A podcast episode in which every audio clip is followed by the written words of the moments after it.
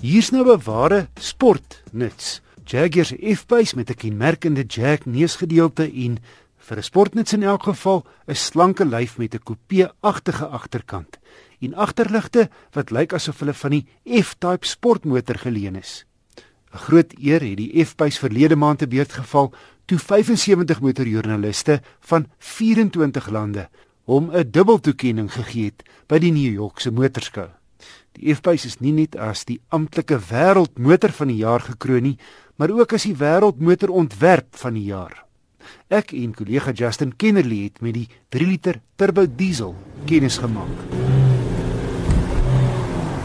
Ja, hy gaan nog al, ek kom eers vol getrap nie.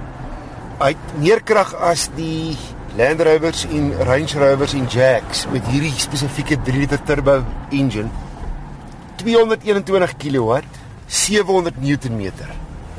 Mens kan dit beslis voel en wat ook baie lekker is van uh, hierdie F-base is dat sy stuur baie direk is maar nie te lig nie en nie te swaar is nie. Jy het verskillende modusse daar. Jy's nou in dynamic.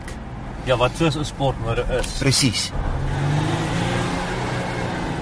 Mens kan ook ratte verwissel met die spanne agter die stuurwiel en anders as totale ander karre is hierdie nogal vinnig. Derde, vierde, dit gebeur byna oombliklik. Uh, jy hoef nie te wag dat die radkas eers besluit wat jy wil hê nie.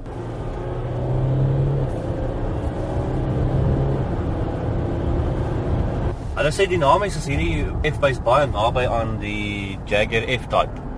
Hoewel dit nou wel 'n sportnet voertuig is, so jy kan nie dieselfde dinamika verwag nie. Maar hulle sê hy is geskoei op daai idee van dis 'n groot familiemotor, 'n sportnet voertuig waarmee jy daar nog so 'n bietjie pret kan hê. Kyk, jy kom beslis agter dat jy 'n sportnerd voertuig is, maar hy's redelik ferm geveer, net ferm genoeg om om jou 'n bietjie vir daai sportiewe gevoel te gee, maar ook sag genoeg om nie heeltyd jou hele lyf uitmekaar te ruk as jy oor 'n uh, hobbel ry of 'n uh, per ongeluk 'n slaggat tref nie. So hy sit mooi in die middel om jou daai balans te gee tussen pret en gemaak. Ja baie gemaklike voertuig op die lang oop pad. Natuurlik met met die diesel engine as hy by die 8 spoed radkas is sy dieselverbruik ook uh, baie goed. Een ding wat my opval is dat hier in die deure daar sekere gedeeltes is wat harde plastiek is. En dit verwag 'n ou eintlik nie in 'n voertuig wat meer as 'n miljoen rand kos nie. As ek so moet kyk, dink ek hulle het baie van die geld spandeer nou nie net op die stelering en die engine nie, maar om die binneruim in terme van tegnologie aanloklik te maak vir nuwe kopers. Uh ons het 'n digitale paneelbord hier voor, ons het 'n groot navigasieskerm waar jy jou radio en ander tierlantinkies kan dophou. Hier is daar 'n leer in die binnekant, maar ek stem saam ek hierdie harde plastiek aan die kant plaas so 'n bietjie.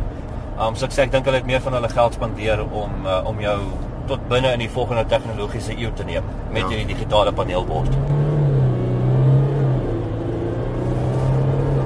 Jaguar sê die 3 liter diesel met sy 2 turbo aanjaars draf 0 na 100 in 6,2 sekondes skaf.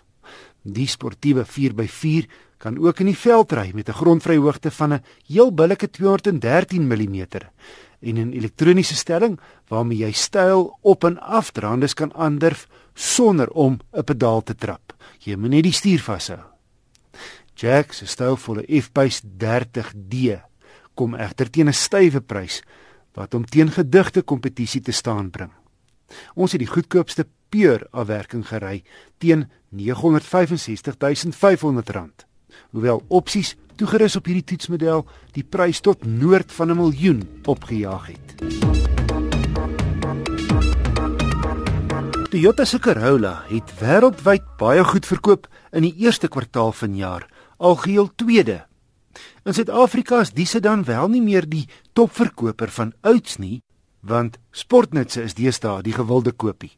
Tog het die Corolla sy ouer geslag boet die Corolla Quest wat albei by Durban vervaardig word en die Auris luikerig verlede maand meer as 1500 eenhede plaaslik verkoop. Nie sleg nie gegee die ekonomies neerslagtige tye waarin ons ons bevind.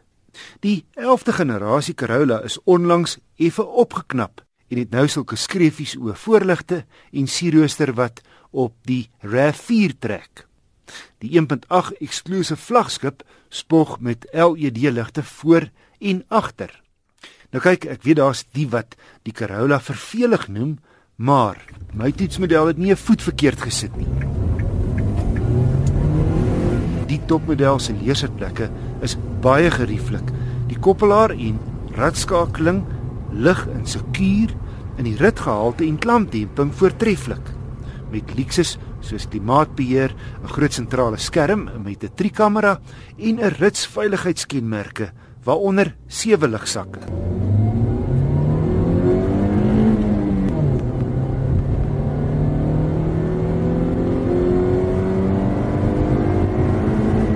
Die 103 kW 1.8 gekoppel aan 'n 6-spoed handrat wikkel volgens die kaarttydskrif van 0 na 100 in 'n heel skaflike 9,3 sekondes. Dis nou natuurlik as jy hom brand in elke rad. Want in gewone ryery is daar nie veel krag teen laer toere nie. Anders as die Corolla se turbo aangejaagde mededingers. sien die Toyota se beskeie 173 Nm wringkrag word eers by 4000 toere ontwikkel. My gunsteling oond in die Corolla reeks is die 1.4 turbo diesel wat sy krag juis teen lae revolusies lewer en ook aansienlik suiwiger is. 2 en 'n half jaar gelede het ek met die turbo diesel 'n gemiddelde verbruik van 5,4 liter per 100 km aangeteken. Die 1.8 petrol het 'n syfer van 7,3 gelewer of dan byna 2 liter per 100 km swaarder op die sous. Om op te som, die Corolla 1.8 Exclusive is dalk nie opwindend nie, maar vir 'n sekere koper is die gemoedsrus wat die Corolla se reputasie van betroubaarheid gee, die deurslaggewende faktor. Ek kan ook om ander redes hierdie sedan aanbeveel teen R336300. Hy's ruim met 'n groot bagasiebak, gerieflik, goed toegerus en jy kan seker wees van 'n sterk herverkoopwaarde.